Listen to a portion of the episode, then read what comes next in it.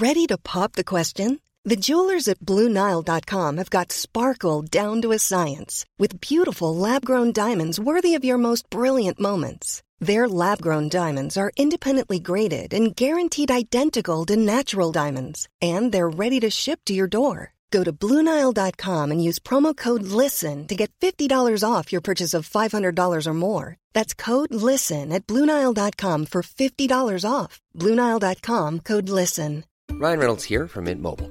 With the price of just about everything going up during inflation, we thought we'd bring our prices down. So to help us, we brought in a reverse auctioneer, which is apparently a thing. Mint Mobile unlimited premium wireless. Ready to get 30, 30, bit to get 30, bit to get 20, 20, 20, bit to get 20, 20, bit to get 15, 15, 15, 15 just 15 bucks a month. So, Give it a try at mintmobile.com slash switch. $45 upfront for three months plus taxes and fees. Promo rate for new customers for limited time. Unlimited more than 40 gigabytes per month. Slows. Full terms at mintmobile.com.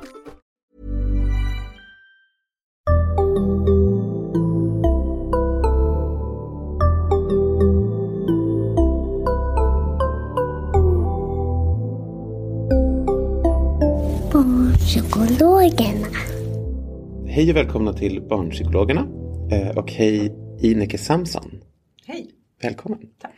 Eh, Ineke är logoped och har jobbat 17 år på Danderyds sjukhus med stamning med barn, tonåringar och vuxna. Ja, det stämmer. Stämmer. Och nu är du doktorand på KI. Ja. Kul. Vad, vad forskar du på? Jag forskar på stamning och jag forskar på stamning hos tjejer och killar så jag eh, undersöker om det finns någon skillnad i stamningssymptom och sätt att hantera stamning hos tjejer och killar. Och framförallt i tonåren. Okej. Fi- eh, spoiler, finns det någon skillnad? Eh, jag har ju kommit halvvägs i doktorandstudierna och det jag har sett hittills det är att tjejer i tonåren som stammar de tycker att det är eh, mycket jobbigare att stamma än vad killar i tonåren som stammar tycker. Okej. Så den skillnaden finns. Okej. Att de verkar lida mer av sin stamning och hantera stamningssymptomen annorlunda än vad killar gör. Mm. Det där är superintressant. Det ska vi komma tillbaka till med hur man hanterar stamningen. Eh, Ja, men kan du inte börja med att berätta lite vad stamning är? Alla vet ju hur det låter, men liksom, kan man säga någonting mer? Ja, stamning det är ju ett, eh, en störning i talets flyt som gör att talet hackar upp sig och, och, och, och, och, och låter på det här sättet.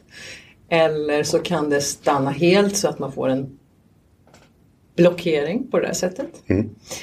Ehm, och eh, stamning utvecklas hos barn vid 2 till 4 års ålder eller utvecklas, det debuterar hos barn 2 till 4 år. Och för några barn så blir det här bestående och för andra så försvinner det av sig självt. Ehm, så att eh, det är en, i grunden en talflytstörning. Mm. Finns det en tydlig gräns mellan vad som är normalt talflyt och när det liksom blir att det kallas stamning? För alla tänker jag hakar upp sig när man pratar. Det atypiska, det icke-vanliga, det är ju att man tar om till exempel precis starten av ordet. Så det är inte så typiskt att säga bil. Just det. Det är mer typiskt att säga bil, bil, bil. Att liksom leta efter ordet, det hör man ju liksom. Det är inte så typiskt att säga eh, Titta där eh, åker en bil med den här typen av blockering. Det är inte så typiskt utan det, börjar, det reagerar ju lyssnaren på som oj det där lät ju annorlunda. Så att det, distinktionen är liksom ganska tydlig ändå. Mm. För det, vad, vad, det är det där med att man fastnar på början på vissa ord. Går det att säga någonting om vilka ord man fastnar på? Är det liksom oftare substantiv än det är verb? Alltså går det att säga någonting om? Ja, det frågar vi ju alltid i behandling. Vilka, vet du vilka ord du kommer att fastna på? Är det några typiska ord du har liksom, som där du vet att de här är svåra? Det är inte så att det är ordklasser. Utan det är snarare så att det är vilken typ av vilket typ av ljud du gör i början av ett ord. Till exempel ljud som har mycket kraft. B till exempel eller P, det har ju ganska mycket kraft. Så det finns eh, den gruppen av ljud som kan vara lite mer drabbade. Okej. Men det kan också vara längre komplexa ord som är svårare eh, och som man oftare stammar på.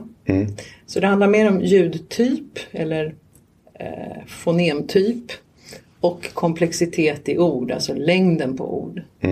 Men inte, inte typ av ord när det gäller liksom ordklasser och så. Eh, Men det, man, eh, man har inte kunnat se en generell trend att det är nästan bara de här tryckstarka ljuden som är svåra. Utan det kan finnas en, det finns en jättevariation på det också. Mm, okej. Eh, Du sa ju du lite att det var vanligt, började vid två, fyra år någonstans.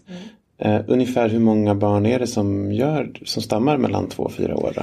Det är ganska många. Så man har haft, gjort stora studier på det här. Både, ja, framförallt i Australien har man gjort stora studier med många små barn som ingår. Och då har man sett att mellan 5 och 10 procent börjar stamma i den åldern. Och hur många fortsätter sen då? Det är en 75 till 80 procentig spontanläkning hos de här barnen. Så det är ganska få som fortsätter att stamma.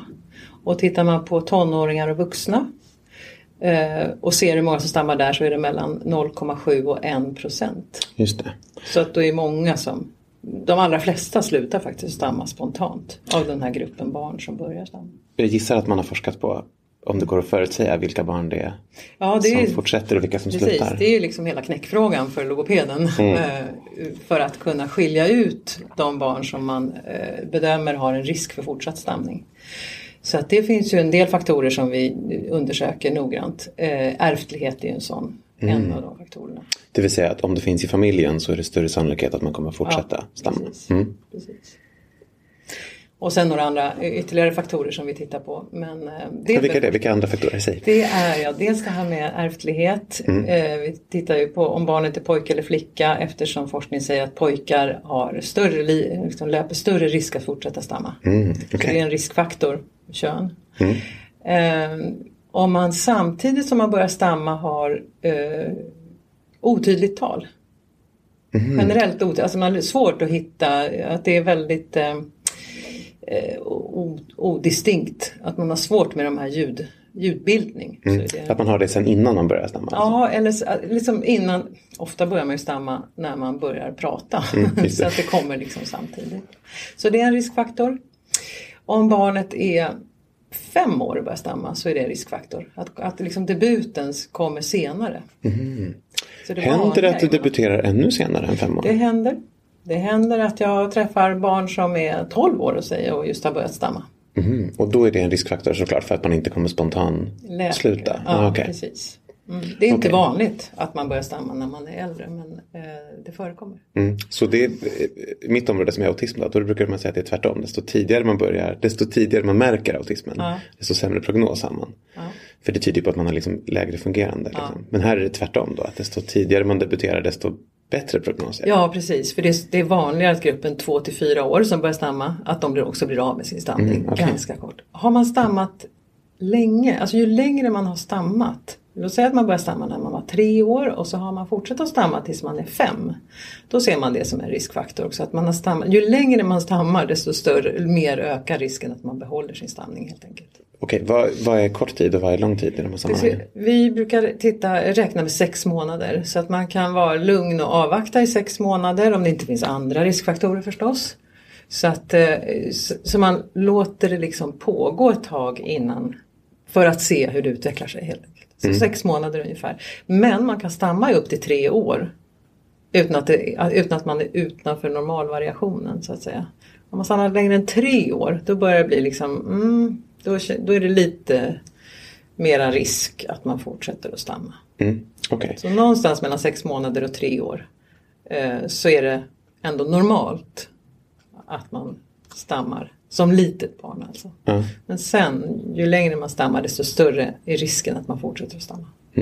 Skulle du vilja säga någonting ändå som när man som förälder eller lärare bör ändå liksom flagga att det här barnets stamning borde vi söka hjälp för? Ja, absolut, för det där är vi också väldigt eh, angelägna om att eh, informera om. Både till föräldrar och lärare. Så om jag börjar med föräldrar till exempel. Jag börjar med föräldragruppen då. Eftersom det är vanligast med dem, att barnen börjar stamma när de är så små.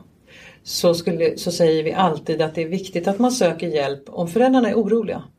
Oavsett om barnet har stammat i en månad eller två dagar. Ja, men oro är, någon, då ska man söka hjälp.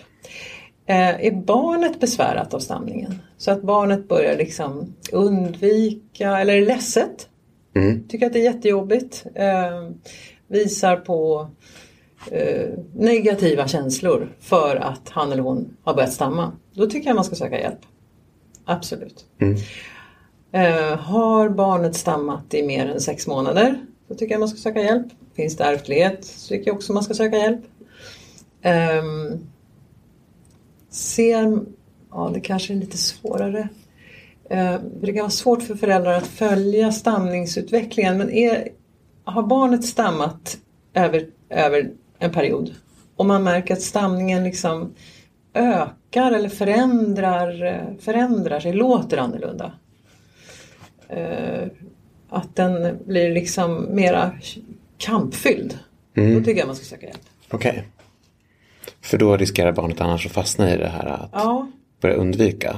ja eller ja, det är en riskfaktor att stamningen förändras och blir mer kampfylld. Mm. Okej. Så det vanliga är ju att stamningen uppstår mer och mer sällan. Mm. Inte är särskilt svår. Ehm, Så att går det åt andra hållet, att trenden är liksom barnet har mer och mer stamning eller förändrar stamningsbeteende. Då skulle jag också söka hjälp. Då ska du söka hjälp. Ja. Eh, lärare då? Är det samma råd till dem? Eh, Lärare har ju en viktig roll. Särskilt när barnen är mer och mer i skolan så att säga. Ju äldre barnet blir desto mer är ju barnet i skolan. Så det, jag tycker lärare har en väldigt viktig roll att vara uppmärksam. Ja, dels får man ju vara uppmärksam på barn som har någon typ av funktionsnedsättning. Och man kan ju säga att det här är en talmotorisk funktionsnedsättning. Att eh, om barnet berättar för läraren att jag stammar eller eller eh, läraren ser att barnet stammar. Då tycker jag att läraren gärna kan ha ett samtal med barnet om stamningen. På ett enkelt sätt. Jag har hört att du stammar eller du berättar för mig att du stammar. Finns det någonting som jag kan göra som underlättar för dig i klassrummet? Så att du tycker att det känns bra och lätt att prata kan ju vara ett sånt sätt för en lärare att fråga. Men nu passar jag på att fråga det som jag tänkte fråga dig från början. Um, det riskerar man inte att göra det värre då? Det tror jag de flesta tänker. Att genom att göra barnet väldigt medveten om stamningen att det kommer göra att man blir mer nervös och kommer stamma ännu mera. De, flesta, eh, de allra flesta som får den frågan som stammar, de tycker ju att det känns skönt att prata om stamningen. Så att För det- de vet redan om att de stammar. Ja. Så det är inte som att de får reda på någonting nytt av att någon Nej. annan säger att de har märkt det. Nej. Så det är dels det. Föräldrar brukar också ibland komma in med den oron. Ska jag verkligen säga någonting? Ska jag säga ordet stamning eller kan vi inte säga någonting annat så att inte barnet hör ordet stamning? Men det där brukar vara lite snarare kontraproduktivt än bra. För att om vi tar det lilla barnet som stammar och tycker att det är jobbigt, då är det väldigt viktigt att få bekräftelse av föräldrar på någonting som ett litet barn tycker är jobbigt. Det tycker även större barn. Så har man jobbigt med någonting och föräldrarna inte uppmärksammar det så blir det som ett område som i värsta fall riskerar att bli ett tabuområde.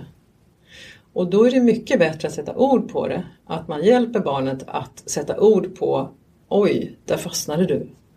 Eh, var det svårt att få fram det ordet? Att säga någonting om att det hände. Mm. Det rekommenderar vi alltid. Mm, Det är mycket bättre att prata om det än att inte prata om det.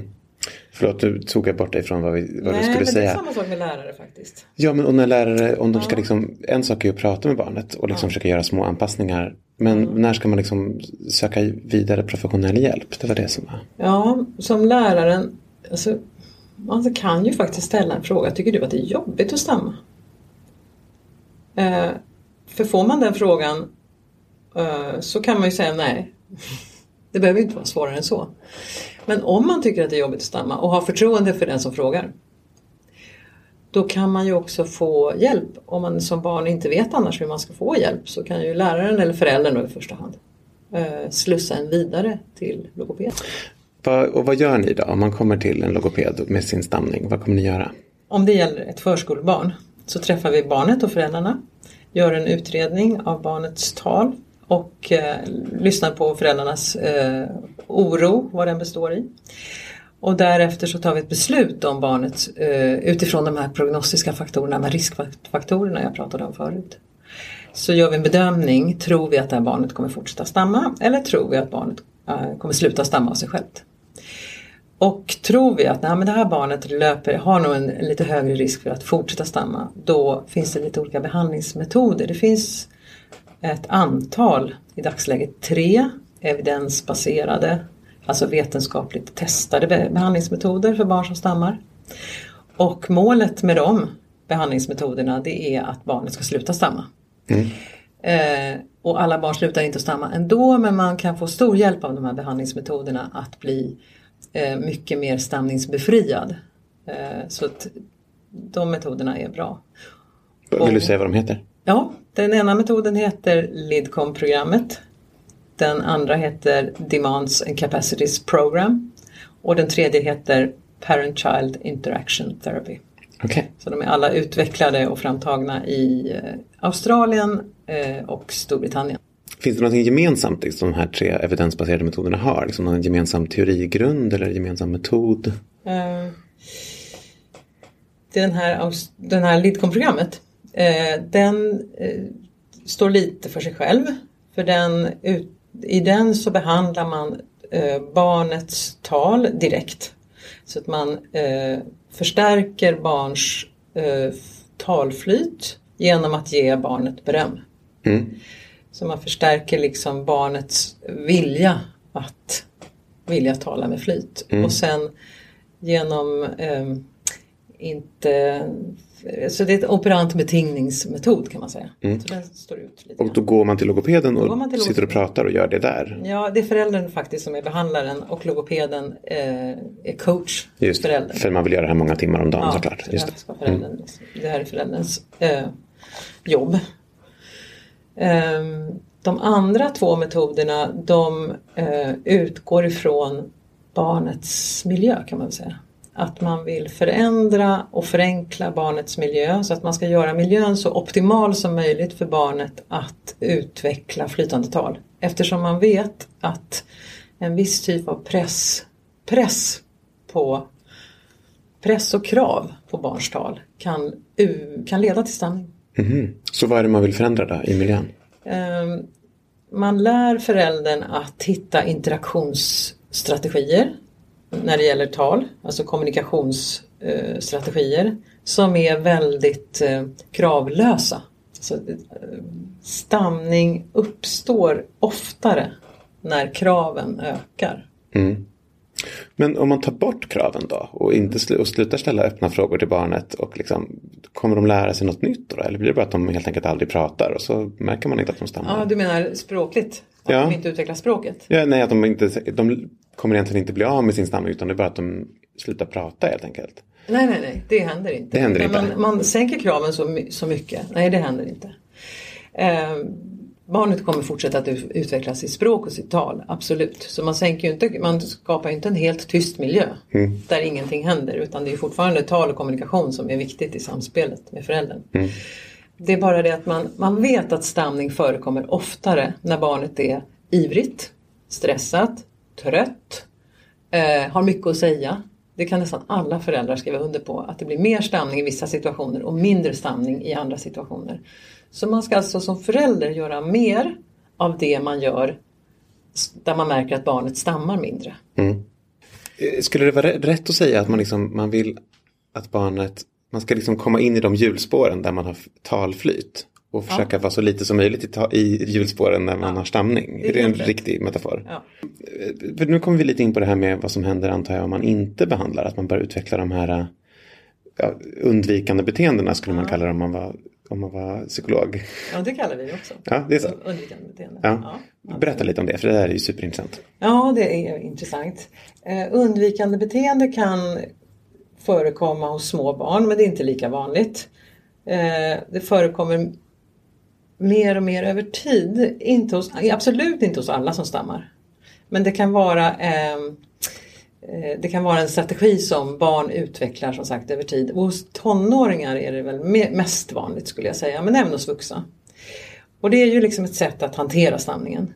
Att man känner att man inte kan kontrollera talet och så blir man stressad och rädd. Man blir liksom rädd för sitt eget tal. Eh, och då utvecklar man saker som att man undviker kanske att säga vissa ord som man vet att de här kommer jag stamma på. Eller man undviker att eh, gå in i specifika situationer. Man kanske inte eh, pratar framför klassen någonsin eller man in, räcker inte upp handen för man tycker att det känns alldeles för osäkert och otryggt.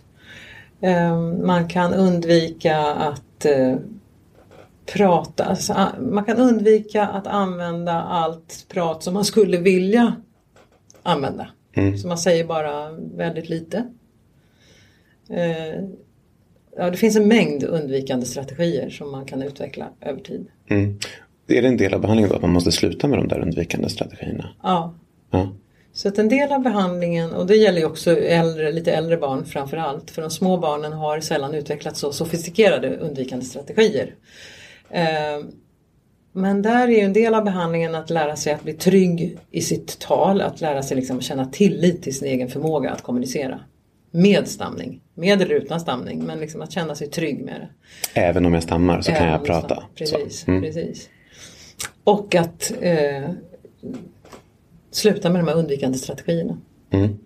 Och blir du trygg med att du, att du känner tillit till ditt eget tal då följer ju nästan alltid det här andra med. Att då känner man liksom, men då kan jag faktiskt våga säga någonting inför klassen. Även om jag stammar. Just det.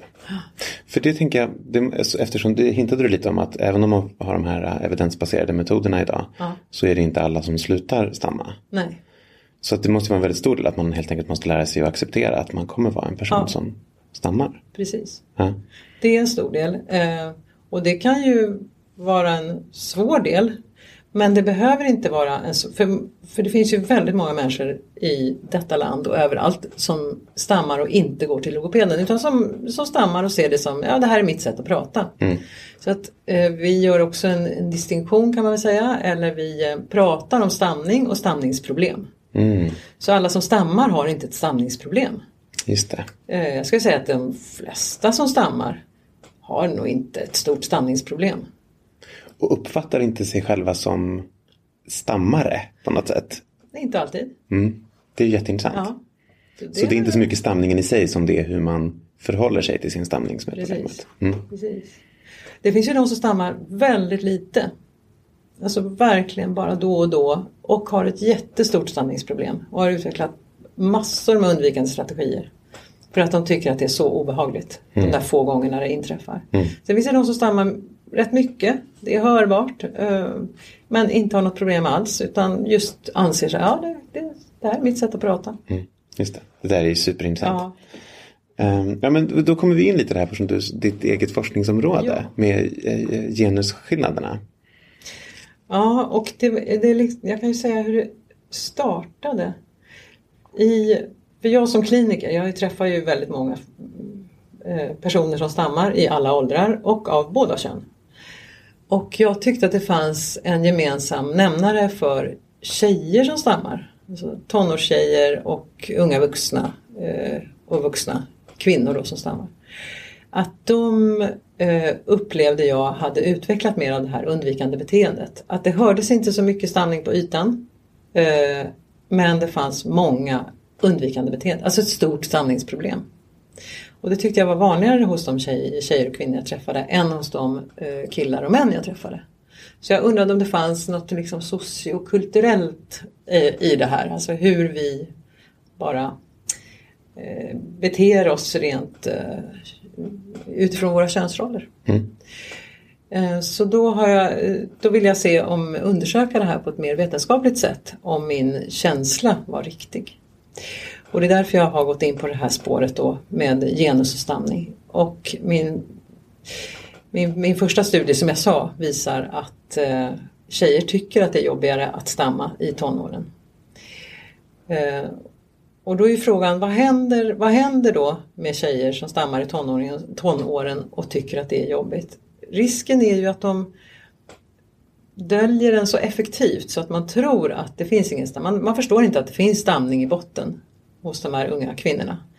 Så att eh, de kommer aldrig få vård. De kommer liksom aldrig bli med i såna här beräkningar av eh, i populationsberäkningar, hur många, alltså pre prevalensberäkningar.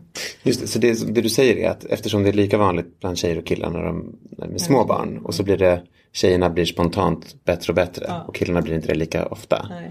Och det där skulle kunna förklaras av att tjejerna helt enkelt blir bättre och bättre på att dölja sin stamning. Precis. Eller dölja sin stamning. De lyckas ha så effektiva undvikande strategier så att ja. de inte får en diagnos helt Precis. enkelt. Precis. Så att vi får väl se. Jag tror nog ändå att det finns en större risk för killar. Eh, att de löper större risk. Så jag tror att det finns en biologisk skillnad i grunden.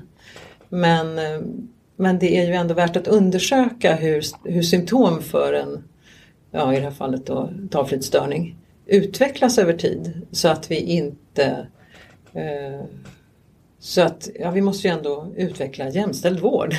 Så att alla ska få hjälp utifrån eh, de behov som finns. Bara för att avsluta, vill du säga någonting om hur man ska förhålla sig när man träffar ett barn som stammar. Mm. Som man inte känner. Liksom bara hur man förhåller sig. Ja. Om du är på ett barnkalas och träffar ett barn som stammar. Vad ska ja. man tänka på? Ja, var som vanligt. Det är liksom nummer ett. Var som vanligt. Eh, behåll ögonkontakten. Vänta och lyssna. Det brukar vara liksom det allra bästa. Så att eh, barnet ges tid liksom att säga det han eller hon vill säga fastän eller trots att han eller hon stammar då. Så var som vanligt, behåll ögonkontakten, vänta och lyssna. Um, när jag frågar barn som stammar, hur vill du bli bemött? Då brukar barnen säga, var snäll.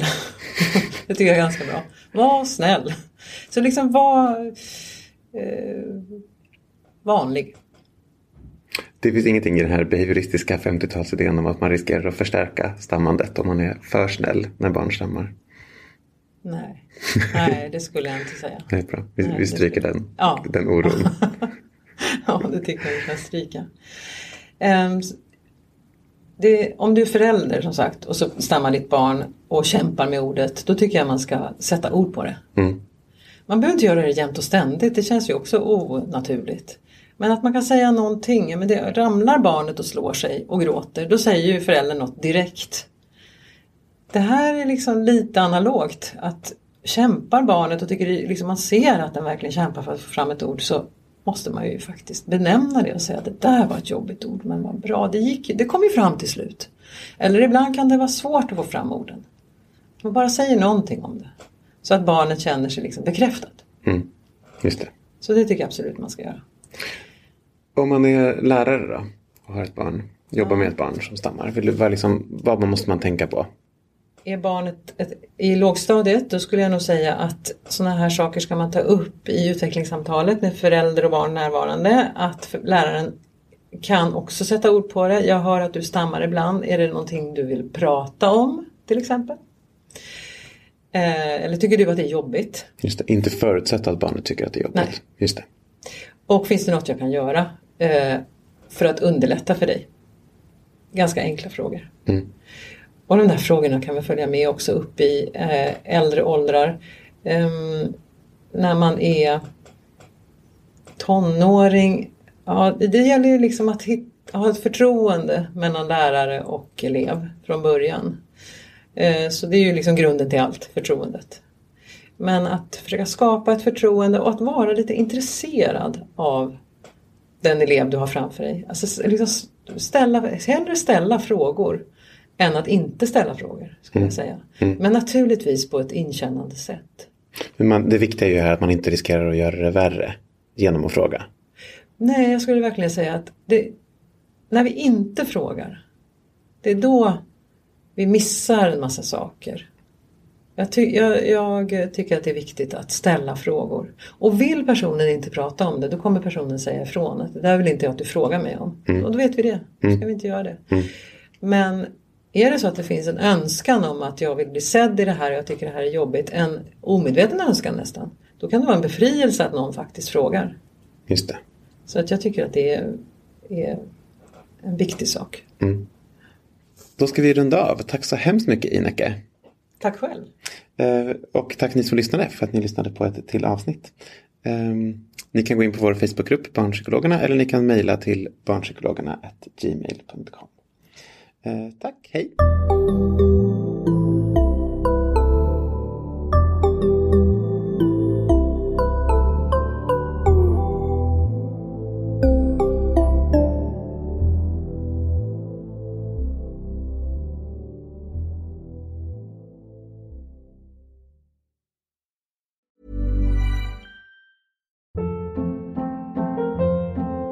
Hold up. What was that? Boring. No flavor. That was as bad as those leftovers you ate all week. Kiki Palmer here, and it's time to say hello to something fresh and guilt-free. Hello Fresh. Jazz up dinner with pecan-crusted chicken or garlic butter shrimp scampi. Now that's music to my mouth. Hello Fresh. Let's get this dinner party started. Discover all the delicious possibilities at hellofresh.com.